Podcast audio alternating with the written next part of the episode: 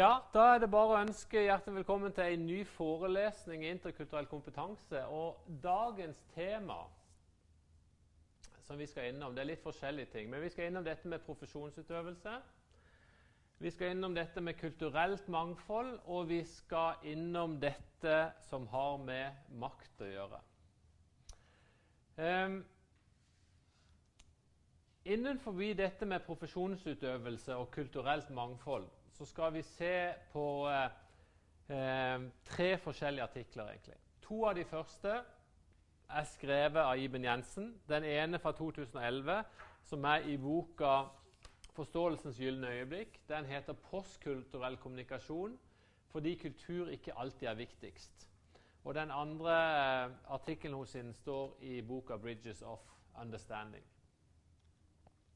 Um, dette skal vi koble opp mot uh, en artikkel av Olav Kasin som står i kompendiet, som heter 'Flerkulturell hva er det, og hvem er de?'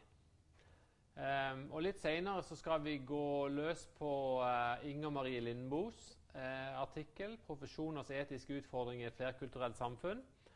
Og vi skal også se på Øystein Lund Johannessen sin artikkel som står i 'Bridges of Understanding'. Så Det blir det vi skal prøve å touche innom i dag.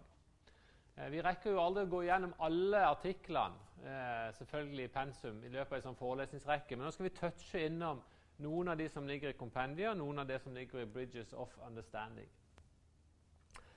De to artiklene som Iben Jensen har skrevet, 'The Aspect of Power in Intercultural Communication Practice' og 'Postkulturell kommunikasjon', fordi kultur ikke alltid er viktigst, sammen med Olav Kasins artikkel, snur på en måte litt det vi har snakka om til nå, på hodet.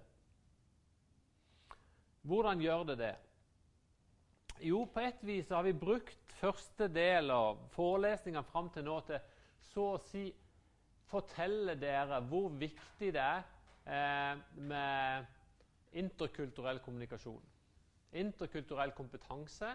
Og vi har snakka så veldig om at eh, vi har forskjellige kulturer, og vi er forskjellige. Derfor må vi vite hvordan vi skal kommunisere for så å si bygge en bro over dette kommunikasjonsgapet. Så å si. Så kommer det tre artikler her som har ett eneste mål, iallfall to av de spesielt.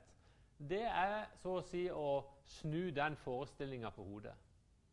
Hva i all verden er dette med flerkultur? Hva, hva, hva, er det noe vits å tenke i de kategoriene der? Skal se litt på hvordan Iben Jensen og hvordan Olav Kasin tenker på dette. I artikkelen sin fra 2006 så, eh, så skriver eh, Iben Jensen med et spesielt fokus. Og Da er vi tilbake litt der vi var med Kjetil Frettens artikkel. Det er tanken hvordan reproduseres makt. Det Iben Jensen har gjort, det er at hun har ikke bare sånne teoretiske modeller for dette. Hun har veldig sånn praksisnær forskning. Hun eh, har sittet eh, eh, som flue på veggen eh, i masse intervjusituasjoner. Det var det hun valgte seg ut som forskningsobjekter. hun gikk inn i ansettelsessituasjoner der folk, der folk skulle bli intervjua for å bli ansatt. Og da spesielt tok hun for seg eh, situasjoner der det var si flerkulturelle som var inne til intervju. Eh, hun så hvordan eh, Hun er dansk Iben, da. Hun så hvordan, eh, hvordan de etniske danske som var intervjua de andre, hvordan de da på en sånn implisitt måte mente hun da misbrukte makt i den relasjonen, og så litt på hvilke måter det ble gjort på. Og hvordan makt aldri kan skilles fra dette her flerkulturelle feltet som vi snakka om når vi gikk gjennom Fredheim sin. Og hun prøver også eh, også fordele makt. Eller beskrive makt på forskjellige måter. Og Kjetil han har brukt noen av de samme måtene. Hun snakker jo om dette med implisitt makt. Makt som så å si ligger implisitt i det å være dansk, og det å ikke være fra Pakistan eller Somalia f.eks. Det å være den som behersker språk, enormt viktig. Eh, og Iben viser dette på en ganske sånn finurlig måte i forhold til hvordan humor blir brukt, f.eks. Der du så å si må være eh, så å si innfødt for liksom å skjønne nyansene i språket. Sant? Og det å drive og fleipe liksom med, fleipe liksom, eh, med folk fra en annen kultur, det er ikke alltid det slo så veldig godt ut. Sant? Og Det tolker Iben som en måte å liksom, bruke makt på, at du behersker språket. Implisitt makt fordi at du er etnisk dansk eller etnisk norsk, og så å si behersker situasjonen og behersker språket. I tillegg så er jo dette med beskrevet makt en ny ting.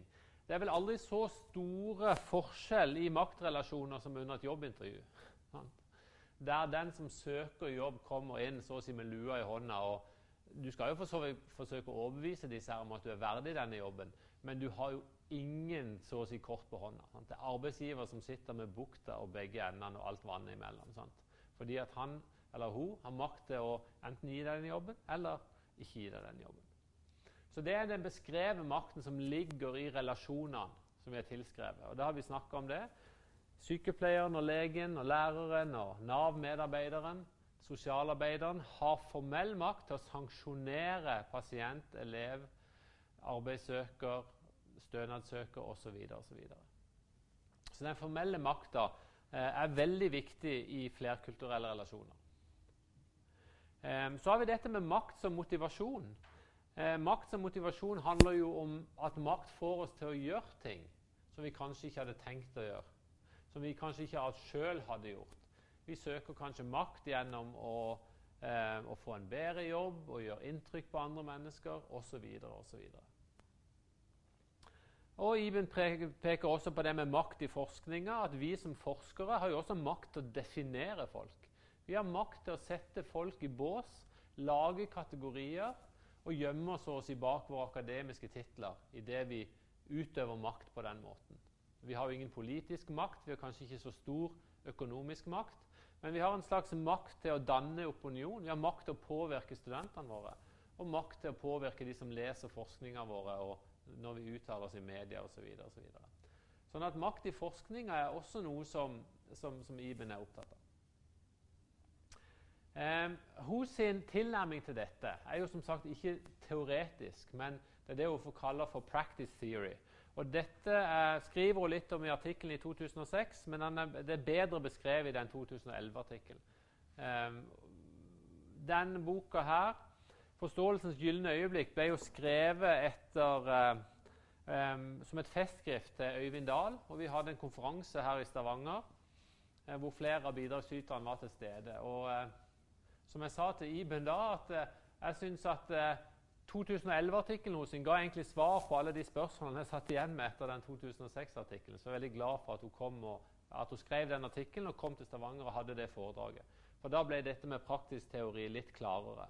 Så hvis det, dere sitter igjen med noen spørsmål etter å ha lest den første, så les den andre, som jeg syns er en veldig god artikkel. Hva er practice theory? Jo, da sier Iben Jensen ganske enkelt at det handler om sosial praksis. Det handler om å analysere de tingene som vi bare gjør til vanlig. Eh, og Da sier hun at veldig mange maktrelasjoner blir etablert helt ubevisst. For vi går jo ikke rundt og tenker i det daglige at nå utøver jeg makt, og nå bestemmer over den personen osv. Men det handler om at vi etablerer en sosial praksis der noen ting blir helt selvfølgelige. Hvis vi går tilbake i tid og tenker på de som var lærere på, på disse her internatskolene eller kostskoler for, eh, for, gutter og jenter rundt om i landet Vi hører jo skrekkhistorier om hvordan de ble behandla. Det er klart at eh, jeg vil jo tippe at eh, de fleste som jobba der som ansatte, ikke var per definisjon onde mennesker. Sant? Poenget var at på de institusjonene de jobba, var det etablert en sosial praksis som de bare gikk inn i, som de fulgte etter, som de ikke stilte spørsmålstegn med. Og Det er jo lett for oss å sitte 100 år etterpå og kritisere det som skjedde med de som ble sendt til Bastø utenfor Oslo, eller de som ble sendt på, på, på, sånne skoler her i området. Eller de som ble sendt på Misjonen sin, sin internatskole. Det blir etablert en sosial praksis, og, og folk som uh, Michel Foucault har jo studert dette mye. Sant? Vist hvordan, hvordan, ideen, hvordan, ideene forandrer seg med tida som går. Sant? Det handler om kropp, det handler om diskurs, hvordan vi oppfører oss, hvordan vi beveger oss, hva slags kroppsspråk vi har. Um, og Det sa Iben ble veldig tydelig i jobbintervjuer, f.eks. På den måten som, som, som, kroppsspråket avslørte både de som ble intervjua, og de som intervjua. Hun så det veldig tydelig. Diskurs, altså måten vi snakker på, måten vi omtaler ting. Um, og uh, som sagt, dette blir beskrevet gjennom jobbintervjuet. Hovedpoenget til Iben Jensen kan vi kanskje best forklare ved å gå til artikkelen hos fra 2011, der hun snakker om et postkulturelt perspektiv. Hva i all verden betyr det? Postkulturelt. Post det betyr jo etter. Men hva betyr det? Er det slutt på kulturen? På en måte så sier Iben Jensen ja til det. Hun sier ikke at kulturen har forsvunnet. Men det, den tida da vi kunne snakke om oss og de andre som etablerte kategorier, den tida, sier Iben Jensen, er over. Hver gang vi som forskere bruker interkulturell kommunikasjon ukritisk, så sier hun at vi er med på å etnifisere og forskjelliggjøre medlemmer av samfunnet. Hver gang jeg snakker foran dere om mine erfaringer med vanskelige somalske elever, så er jeg med på å etablere de somalske elevene som en vanskelig kategori. Dermed så sier hun et varsk til oss som underviser og til oss som forsker. Vi er på like mye med som eh, andre folk i samfunnet med på å lage kategorier og så å si stereotypisere eh, grupper av mennesker. Og Problemet med det sier Iben, er at vi kan lage problemer til og med der de ikke de fins. Og det er det som gjør, sier Iben, at mennesker med et eh, arabisk navn faller langt, langt langt tilbake på, i køen på jobbsøknader. Sant? Det er jo bevist gang etter gang etter gang at har du et utenlandskklingende navn, spesielt klinger afrikansk eller asiatisk eller arabisk, så sliter du veldig med å få jobb.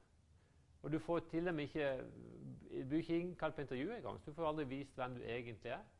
Og dette, sier Iben, dette er en konsekvens av at vi etnifiserer og forskjelliggjøre samfunnet. Fordi at vi snakker for mye om interkulturell kommunikasjon og for mye om flerkultur. Og Da så spør hun jo liksom det grunnleggende spørsmålet er det sånn at etniske eller nasjonale forskjeller alltid er viktigst. Er det alltid det som skal skille mennesker? Er det det som skiller folk på en arbeidsplass, om du er født og oppvokst i Norge, eller om du kommer fra Pakistan? Kan en ikke tenke seg at det fins helt andre akser som utfordringene eh, går langs. Hva med andre sosiale kategorier, spør Iben Jensen. Hva med kjønn? Hva med kropp? Hva med klasse? Hva med yrke? Osv. osv. Og Hos sitt utgangspunkt for dette er jo at det globale samfunnet som vi snakker mye om i globaliseringsprosesser, det globale samfunnet er jo med på å bryte opp veldig mange av disse etablerte kategoriene. Og Det eksempelet som vi har tatt, snakka om tidligere, denne dataingeniøren fra Oslo og denne fiskeren fra, fra Finnmark sant? Det er ikke sikkert de har så mye å snakke om, selv om de er etnisk norske. Men en dataingeniør på samme alder fra India kan kanskje bonde liksom automatisk med den norske, fordi at de ser de samme TV-seriene, bruker den samme datamaskinen, eh, spiser den samme maten osv. osv. osv. Da blir ikke dette flerkulturelle hovedpoenget. Poenget blir at de, har, de deler andre kategorier. Så er vi tilbake til, til Iben Jensens fokus på dette med praktisk, praksisteori. Hun sier at den sosiale organiseringa skjer gjennom praksis. Og enhver praksis gjennomskjæres så å si av maktakser. Og kultur, hva er det? Jo, kultur er jo bare en rekke av praksiser. Så i det øyeblikket vi begynner å gjøre ting sammen med mennesker som før var flerkulturelle, så blir vi på en eller annen måte monokulturelle. De studentene jeg har i klassen i Master of Global Studies, som ved forrige opptelling eh, vi hadde her, så jeg tror vi hadde eh, studenter fra 16, eller var et år vi hadde studenter fra 16 forskjellige nasjoner. Sant? Da kan du snakke om flerkultur de luxe, for de kommer alle plasser fra. Men når de har så å si kjørt seg sammen, så vil de jo etter en stund i den sosiale settinga som klasserommet så vil de på en måte bli monokulturelle. I motsetning til teologistudentene som sitter i et annet rom. Sant? For det dannes en egen kultur som følge av den praksisen som studentene på Master Global Studies går igjennom. De går gjennom en sosialiseringsprosess som på noen områder så har de blitt så å si monokulturelle. Forskjellen er ikke på, eh, så å si på hvit og svart. Forskjellen er på den som er MG-student, og den som er f.eks. teologistudent. For de har forskjellige sosiale praksiser i forhold til måten det undervises på, måten de er sammen på, om de har sosiale relasjoner utenfor studiene osv. Så, det som Iben Jensen sier, det, det, som er styrken med denne praksisteorimodellen, det er det at han spør ikke etter teoretiske modeller, men han går rett på observasjon. Hva skjer egentlig i samfunnet? Og Det er veldig interessant i forhold til dette med flerkultur. For da er det ikke sikkert at de etablerte kategoriene vi hadde, betyr så veldig mye lenger. De så å si forsvinner. For vi ser at folk handler jo ikke på den måten. Eh, plutselig er det ikke sånn at eh, en eh, pakistaner som ikke snakker så knallgodt norsk Det var jo interessant når eh, nylig et, et, et, tema på Språkteigen på NRK var jo dette med kebabnorsk. Hva er det for noe? sant? Og Er det en etablert, akseptert sosial kategori? Noen mente at det ikke var det. Andre mente at det var litt sånn status. Sant? Så istedenfor å være eh, i kategorien dum eh, fordi at du ikke snakker norsk som de etniske norske, så kan du kanskje bli en sånn foregangsfigur. For noen av de kule norske gutta de begynner òg faktisk å snakke kebabnorsk. For det er liksom mye stiligere slang, og de har mye tøffere ord osv. Så, så, videre, så, så poenget er det at det etablerer sosiale praksiser hele tida som snur litt opp ned på våre gamle tanker om hva som var kulturelle forskjeller. Og Derfor er det en praksis nære forskninga det er den som er med på så å, si, å flytte grensen hele veien. Kroppen er alltid med, sier Iben Jensen. Og Det betyr at eh, vi som, eh, som i, hva skal vi si, kulturelle vesener vi er det med, vår, med, kroppen vår, som er til stede her. Og kroppen vår den blir så å si en del av de omgivelsene som vi omgås med. Vi har snakket om det tidligere, at kroppen har sine egne reaksjoner. Eh, Kroppen reagerer med frykt, med glede, med overraskelse osv. Og, og, og disse tingene de forandrer seg ettersom vi blir sosialisert. Eh, det neste punktet til Iben Jensen er at aktører alltid handler refleksivt og inngår i kryssende praksiser. Hva betyr det å handle refleksivt? Jo, det betyr at du, har, du tenker rundt dine egne handlinger. Sant? Du reflekterer rundt hvorfor du gjør det. Og I begynnelsen så kan det være sånn at i, i møte med folk som gjør ting på en annen måte, så er du først litt sånn avventende, og så ser du hva de andre gjør, og så begynner du å spille med, så å si. Og Da kan det godt hende at i begynnelsen så er alt et spill. Men når du har spilt spillet noen ganger, og det fungerer, så internerer du så å si de eh, praksisene i din egen kropp. Og Det er det som Iben Jensen mener med at dette er så å si kroppsliggjort. Kanskje er det sånn at du er vant til å drikke søt te fra, fra det landet du kommer, mens alle andre på, eh, i kantina de drikker svart kaffe. Sant? Alle de norske gjør det. Og I begynnelsen så avstår du fra det, og så, tenker, så begynner du å skjønne etter hvert ja, men det er ikke sikkert det er så dumt. Kanskje er det en vei inn i fellesskapet å begynne å drikke denne kaffen. Og I begynnelsen så smaker det pyton med svart kaffe. Sant? Men etter en stund så begynner du så vidt å venne det. Og til slutt så må du kanskje ha den kaffen hver morgen for å våkne opp, fordi du er blitt vant til det.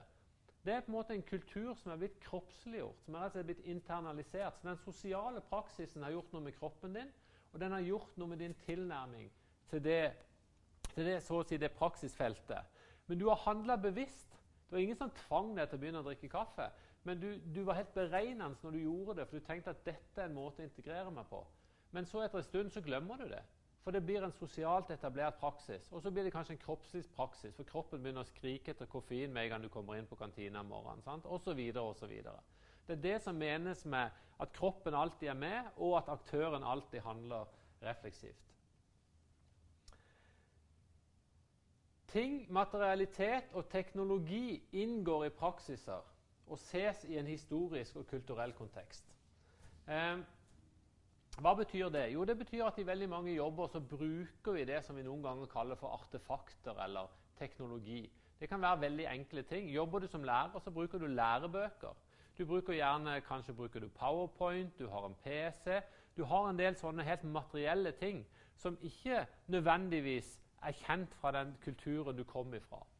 Men gjennom å gjøre deg kjent med ting, med materiell, med teknologi, så beveger du deg inn så å si, en historisk og strukturell kontekst. I et samfunn som vårt så vil det kanskje være å etablere og, og gjøre seg kjent med teknologi som var helt ukjent i ditt land.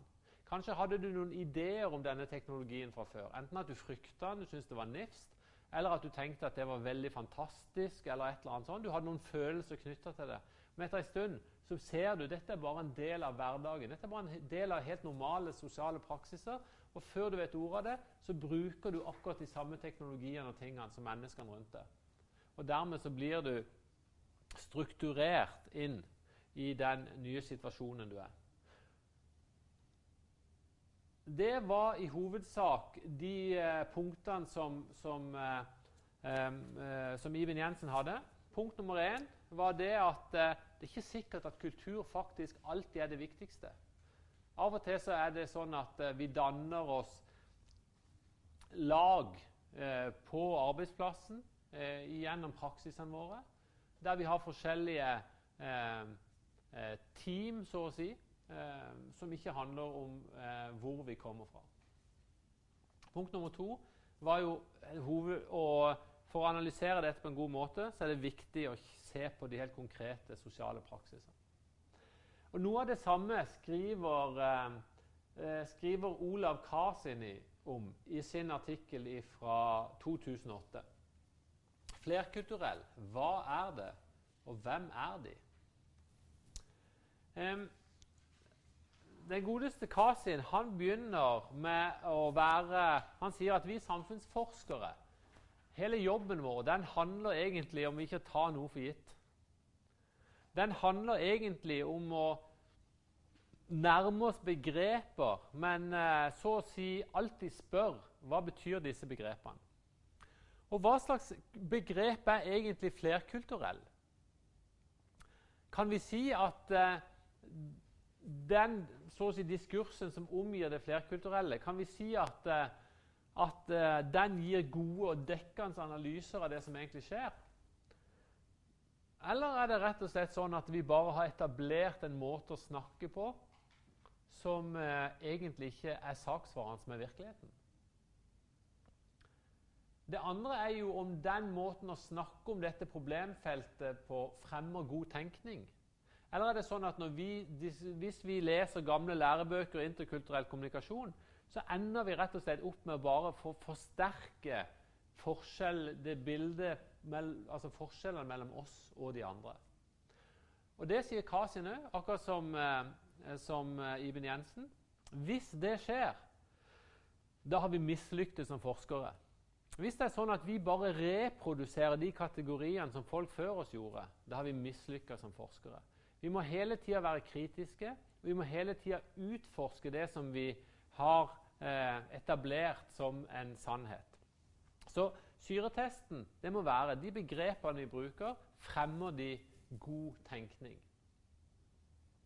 Og Når vi aktiviserer dette i forskninga, når dere en gang skal skrive en masteroppgave, så må dere spørre dere sjøl gir denne bruken av begrepene og teorien gir det gode resultater. Hjelper det med å finne ut det jeg ønsker å finne ut? Eller handler det rett og slett bare om at jeg fikk bekrefta de så å si, fordommene eller stereotypiene allerede hadde? Derfor pleier jeg ofte å si at det finnes, i det fagfeltet som jeg underviser, så finnes det to så å si, det finnes to krefter som jobber imot hverandre. På den ene sida er det det interkulturell kommunikasjon, som har som egentlig basis for faget sitt at kulturer er forskjellige. Og så må vi lære at de skal kommunisere. Det er liksom den ene delen. Så Det er den, måte, den kraften som trekker i den forskjellighetsretninga. Så er det det andre fagfeltet mitt, som heter globalisering. Og det er jo helt motsatt. Sant? For globaliseringa sier jo at alle blir bare likere og likere og likere. Sant? Så ser vi at det er en kraft som trekker oss i den retninga. Og Derfor synes jeg det er veldig interessant å slå disse to fagfeltene sammen, for de belyser hverandre så å si gjensidig. For På ene sida er det jo fortsatt sånn at vi er litt forskjellige, men samtidig så blir den forskjelligheten forandra hele tida, nesten dag for dag, pga. globaliseringsprosessene som så å si snur litt sånn kolbøtte på de tidligere etablerte sannhetene vi hadde. Så spørsmålet er den måten de teoriene vi bruker, fremmer de god tenkning og gir de gode resultatene vi skal analysere. Hvis dere skal ut og forske på deres egen arbeidsplass, hjelper dette meg til å forstå arbeidsplassen og hvilken retning han så å si eh, endres. Og så er spørsmålet blir ting mer forskjellige. Kommuniserer vi dårligere og dårligere, eller blir vi likere og likere og kommuniserer bedre og bedre? Og en eller annen plass på den aksen så vil jo mest sannsynligvis deres forskningsprosjekter befinne seg der. Men det er ikke gitt, og det er det som er spennende. Det er ikke gitt hvor tingene havner. Går det an å komme med en objektiv beskrivelse, altså hvordan verden er? Og det er vi jo enige om at det er vanskelig. Men hva er så å si oppdraget vårt? Eh, den ene fella er å tro at vi er objektive og si at min forskning viser ting akkurat sånn som de er. Den andre fella er kanskje å gå i den normative grøfta, der jeg ender opp med å skrive eh, mine forskningsprosjekt på en måte som indikerer at jeg skulle ønske at det var sånn. Sant? Hvis jeg, eh, hvis jeg, så å si bruker min tilnærming til å reise min egen moralske pekefinger for å si at vi burde gjøre sånn og burde gjøre sånn, er det god forskning? Da må du i alle fall vite hvorfor du gjør det du gjør, og på hvilke premisser du gjør det. Men begge dette kan være en fallgruve. Å tro at du er objektiv totalt sett i beskrivelsen, og, det å være for normativ, begge deler er en utfordring for uh, oss sånn rent analytisk. Så begynner Kasin med å skrive en fortelling fra det flerkulturelle Norge. Han sier sjøl at han er oppvokst i Hurdal. Eh, og I Hurdal så fantes det en, eh, en eh, folkeskole, en kristen folkeskole som het Hurdal Verk. og Dermed så ble eh, Olav en verkensunge når han vokste opp. Og Det er ganske sånn interessant hvordan han beskriver Jeg synes det er veldig fascinerende å lese artiklene sine. Han er veldig lettlest og har noen veldig gode poenger. Så for all del, gå hjem og les Kasin sin artikkel. Eh, det han gjør, egentlig, det er å beskrive sin egen oppvekst og si hvordan det var å være en verkensunge som så å si bodde på, eh, på campus eller på skolen. Begge foreldrene jobba på folkehøyskolen, og de ble liksom, de ble liksom alle en ordentlig en del av, av lokalmiljøet. Eh, det var en kristen folkehøyskole, det betydde noe. Ehm, de hadde lite kontakt med lokalmiljøet, for folk kom fra hele landet og bare var der osv. Det skapte seg sånn egen kultur. Tenk om De som er oppvokst på Solborg folkehøgskole eller lignende, kan fortelle samme type historier om at mye av sosialiseringsprosessen er annerledes enn for de andre ungene. Fordi at de lever i et veldig sånn tett, eh, i en sånn tett greie. Og Han sa det at når han begynte på skolen, kategorien hans var så å si fremmed. Foreldrene bodde, var jo ikke fra dette området opprinnelig, de var innflyttere. Og Dermed så var han liksom litt sånn utenfor kategori. Så beskriver han litt de forskjellige praksisene som han møtte. Han møtte noen som, at, som hadde veldig behov for å, å markere avstand mot disse verkensungene. De er ikke sånn som oss. Og så var det andre deler av ungeflokken som, som kanskje satte høyt som kanskje var kristne sjøl, med på de aktivitetene, som tenkte at wow, det er litt sånn stas å være verkensunge, som kanskje smiska litt med det osv. Poenget var at han møtte forskjellige eh, sånne ting. Og Så beskriver han det i detalj, og så sier han dette var jo, er kanskje bare en helt normal fortelling fra Norge. Kanskje har dere òg opplevd det litt på samme måten osv. Men så prøver han å gå inn og analysere dette. Og så prøver han å si at kanskje er det ikke mer annerledes enn det å komme fra et annet land. Det betyr at hvis vi går i oss sjøl og vår egen erfaring, så har vi også mulighet til å analysere det som skjer. Vi kan vektlegge eh, erfaring, vektlegging og praktisering av forskjeller i samfunnet. Eh, kan vi analysere. Og Da stiller han det store spørsmålet ja, hvordan blir vi del av et fellesskap. Og Da beskriver han sjøl hvordan han måtte prøve å bli del for eksempel, av fotballgjengen eller hva det skulle være, og at han måtte så å si spille ut noen av egen, noe av sitt eget hva skal vi si, sosiale repertoar i noen sammenhenger, mens han skjulte det i andre deler av sitt sosiale repertoar. Og det tror jeg de fleste selvfølgelig har opplevd. sant? At noen ganger så må vi gjemme litt på det, og så spiller vi ut det litt osv. Men det sier han blir veldig forsterka for folk som kommer utenfra. Det med hvordan vi blir en del av fellesskapet, blir så mye tydeligere fordi at vi ofte har noen eh, mer fysiske skiller i tillegg. Og Hvordan holdes vi utenfor andre fellesskap? Han sa det at han sine egne erfaringer fra ungdommen, der han ikke fikk eh, automatisk del i noen miljøer, han sa at det er sånne erfaringer som vi kan overføre på det flerkulturelle miljøet. Så må vi tenke kritisk overfor oss sjøl. Hva slags praksiser etablerer vi som holder mennesker utafor? I et flerkulturelt samfunn der vi etter hvert får flere kolleger fra andre, andre, land, hvordan kan vi etablere praksiser som ikke støter mennesker ut, men heller trekker det inn? Veldig spennende å lese arbeidskravene deres og se på hvilken måte dere klarer å integrere det på praksisen og teorien her. Det syns jeg var veldig spennende. Han spør hvordan identitet utvikler seg i forhold til konkrete erfaringer der en vokser opp. Det går han litt eh, dypere inn i, i, sin, eh, i sin artikkel. Hva er kultur, da? Eh, Karlsen sier at i samfunnsfag så brukes ofte det besk beskrivende kulturbegreper. Og han henter et sitat fra Østerberg og Engelstad som sier at med kultur så forstår vi et samfunns normer av alle slag. Dets kunnskaper og trosforestillinger, dets oppfatninger av godt og ondt, stygt og pent, språket og andre tegnsystemer og lignende. Videre omfatter kultur alle produkter av menneskers virksomhet. F.eks.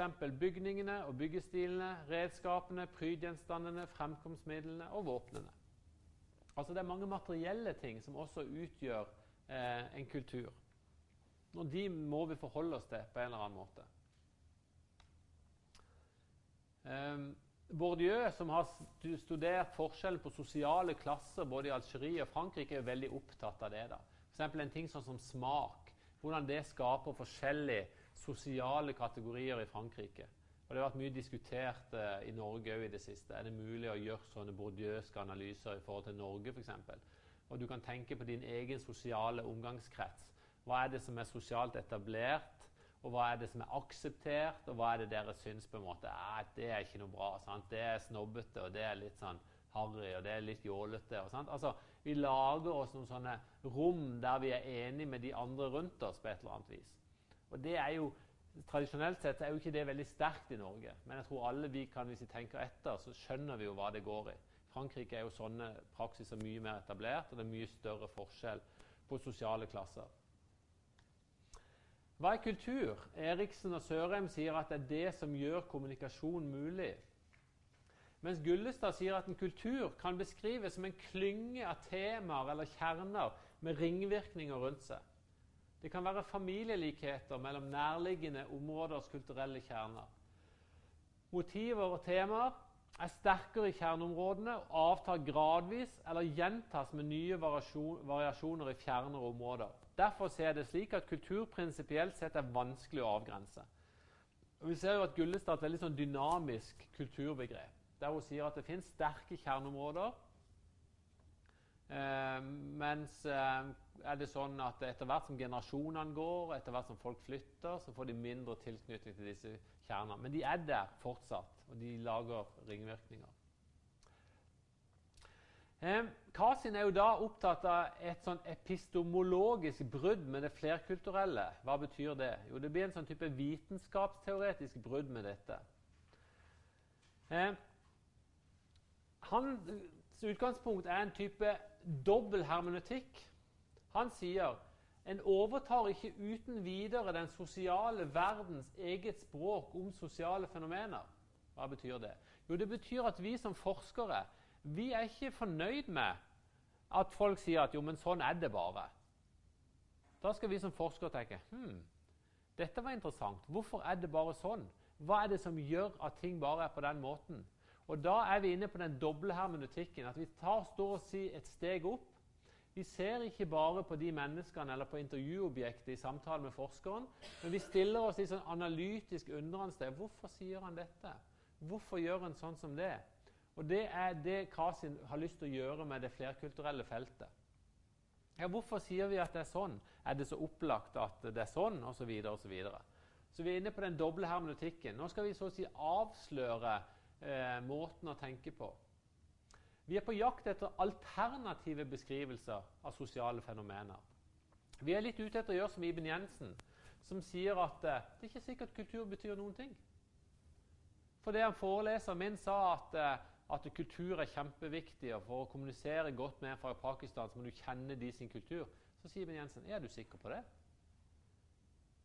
Og Hvordan kan hun da prøve å utforske den? Jo, Hun må utforske den gjennom sosiale praksiser. Hun må måle, så å si analysere de sosiale praksisene og se på hvilken måte folk handler.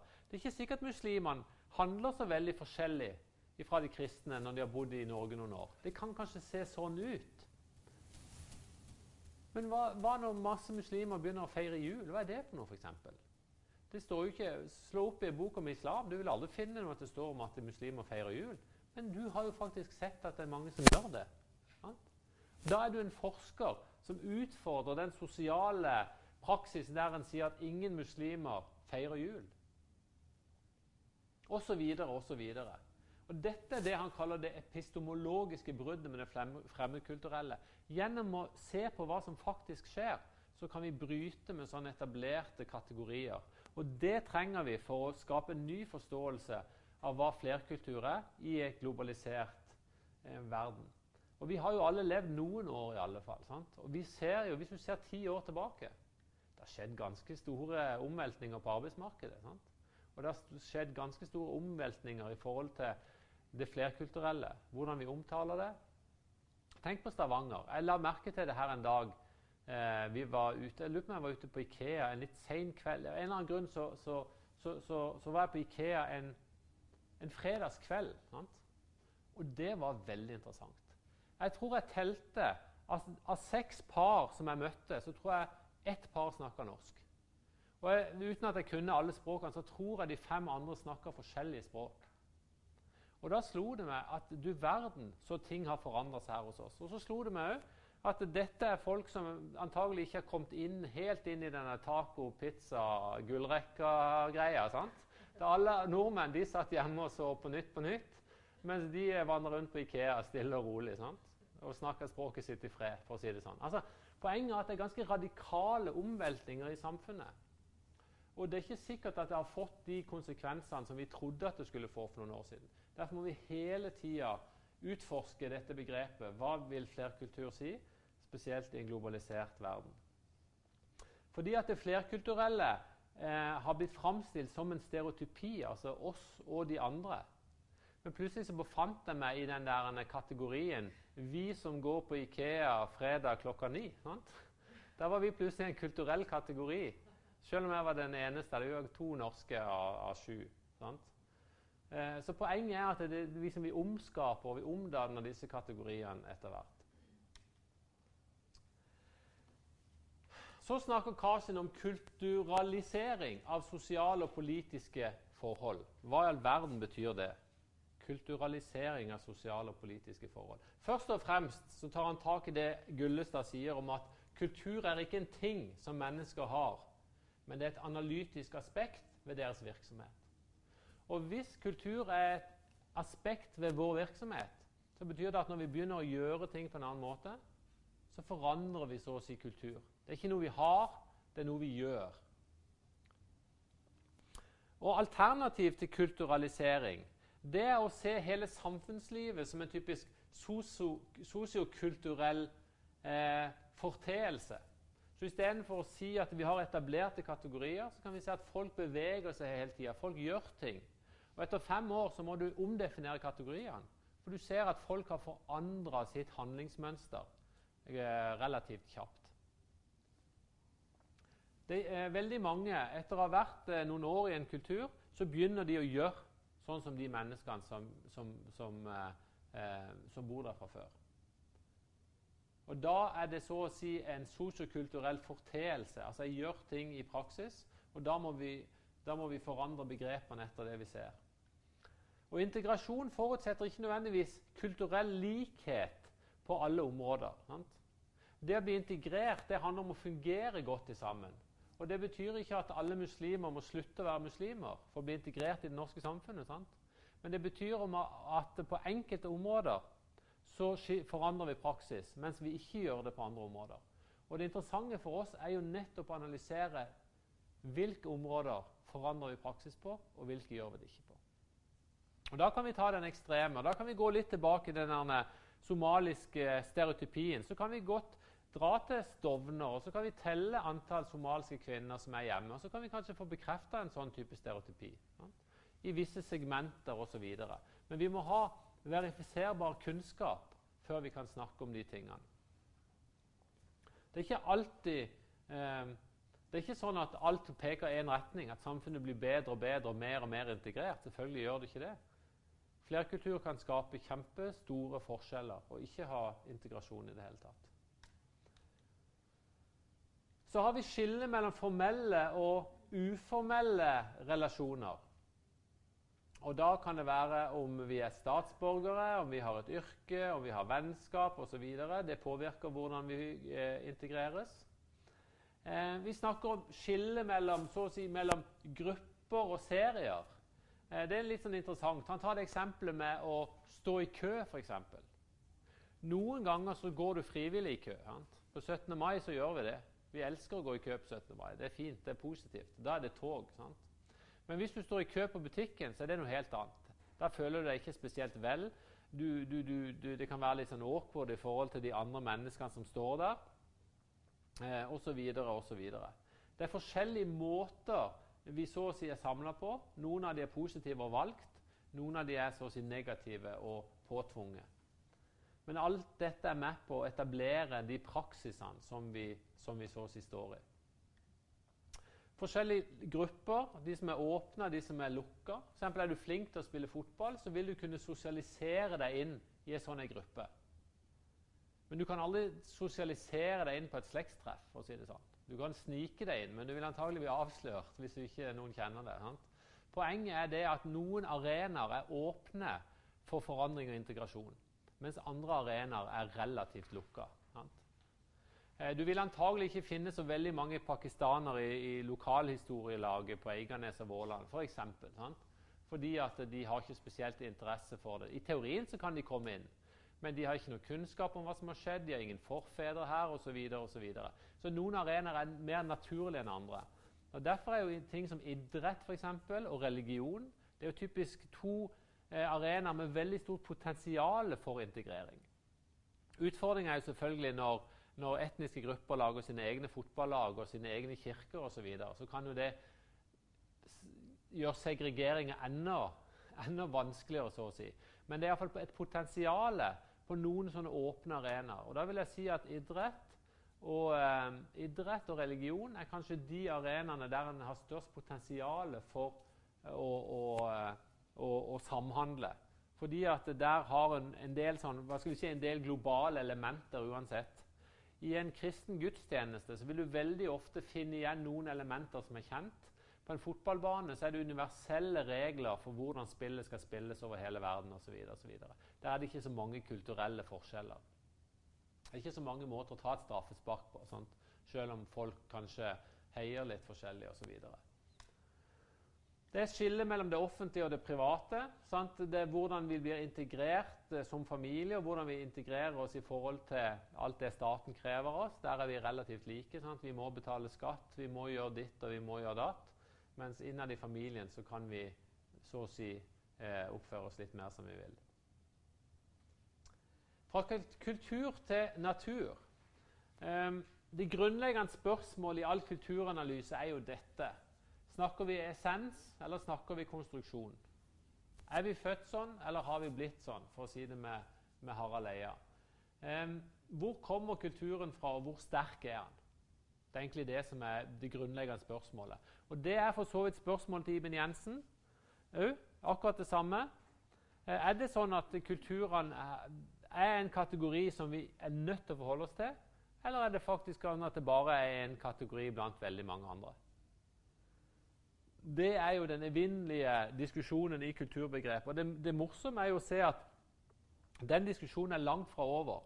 Du kan se at sånn der, en, som en følge av hva skal vi si, det litt mer sånn radikale eh, røde 68-miljøet, så fikk vi en veldig sånn vind i lufta, og kanskje med en sånn postmoderne bølger. Plutselig så var denne, dette med, med sosialkonstruktivisme fikk veldig mye vind i seilene. Eh, Thomas Hylland Eriksen som den store eksponenten liksom, for det at kult, altså, kultur er bare amalgam, og det er bare blanding osv. Og, og, og kulturer er positivt og alt det der. Sant? En sånn veldig sterk vind. Og så har det kommet en litt sånn politisk sett litt mer sånn blå vind da i det siste. Og Harald Eia var jo veldig eksponent for det egentlig i sitt program. Han var veldig kritisk til disse kjønnsforskerne da, i det programmet eh, Hjernevask. Eh, i, det, i, det, programmet Ja, det het Hjernevask, gjorde det ikke? Født sånn eller blitt sånn, som var hovedspørsmålet hans. Eh, det var veldig interessant å se.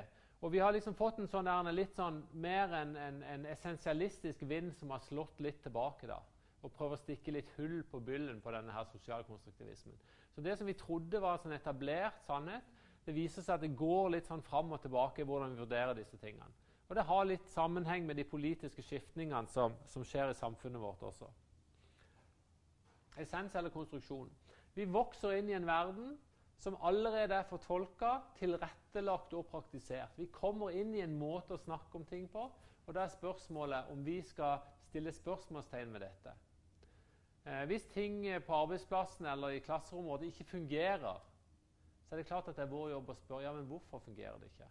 Kan vi på annen, en eller annen måte få det til å fungere? Og på hvilken måte? Da må vi skjønne mekanismene som, som er der. Eh, han skriver litt om menneskets livsverden osv. Det kan dere se litt mer på sjøl. Bourdieu, som vi tidligere har snakka litt om, eh, refererer til doxa, som er det, disse tatt for gitthetene vi om, omgir oss med. Og som sagt, denne sosialkonstruktivismen som Kasin kaller til en viss grad selvoppfyllende eh, spådommer. Så har han et interessant poeng. Er det å snakke om det flerkulturelle er det en nivåfeilslutning? Eh, spørsmålet er det å være flerkulturell. Er det en relasjonell eller er det en situasjonell betegnelse? Og Da sier han selvfølgelig det som er helt opplagt. En pakistaner er flerkulturell i Norge. Det er han selvfølgelig ikke i Pakistan. Vi nordmenn vi er flerkulturelle når vi bor i Nigeria, men i Norge så er vi bare norske. Sant? Vi må ta oss bryet med å studere ulike situasjoner som kan skifte og endre karakter. Og Da vil vi òg se at i møte med det flerkulturelle så vil det være noen områder der vi må ta hensyn til at folk kommer utenfra. Og så er det andre områder der de på ingen måte skal bli tatt på med silkehansker eller bli spesialbehandla. Og det er det Når vi blir eksperter, så å si interkulturell kompetanse, så er det vi som skal avgjøre når vi skal gjøre det ene, og når vi skal gjøre det andre. Det er du som lærer og du som helsearbeider som skal avgjøre når vi tar spesielt hensyn til at denne personen er muslim eller kommer fra Somalia. Og når skal jeg tenke at dette er mine elever, dette er mine pasienter, og alle skal behandles likt. Og Da må vi ha kunnskap eh, på detaljnivå for å kunne avgjøre det ene eller det andre. Eh, mangfold av relasjoner mellom mennesker og ulike kjennetegn ved eh, kontekstene.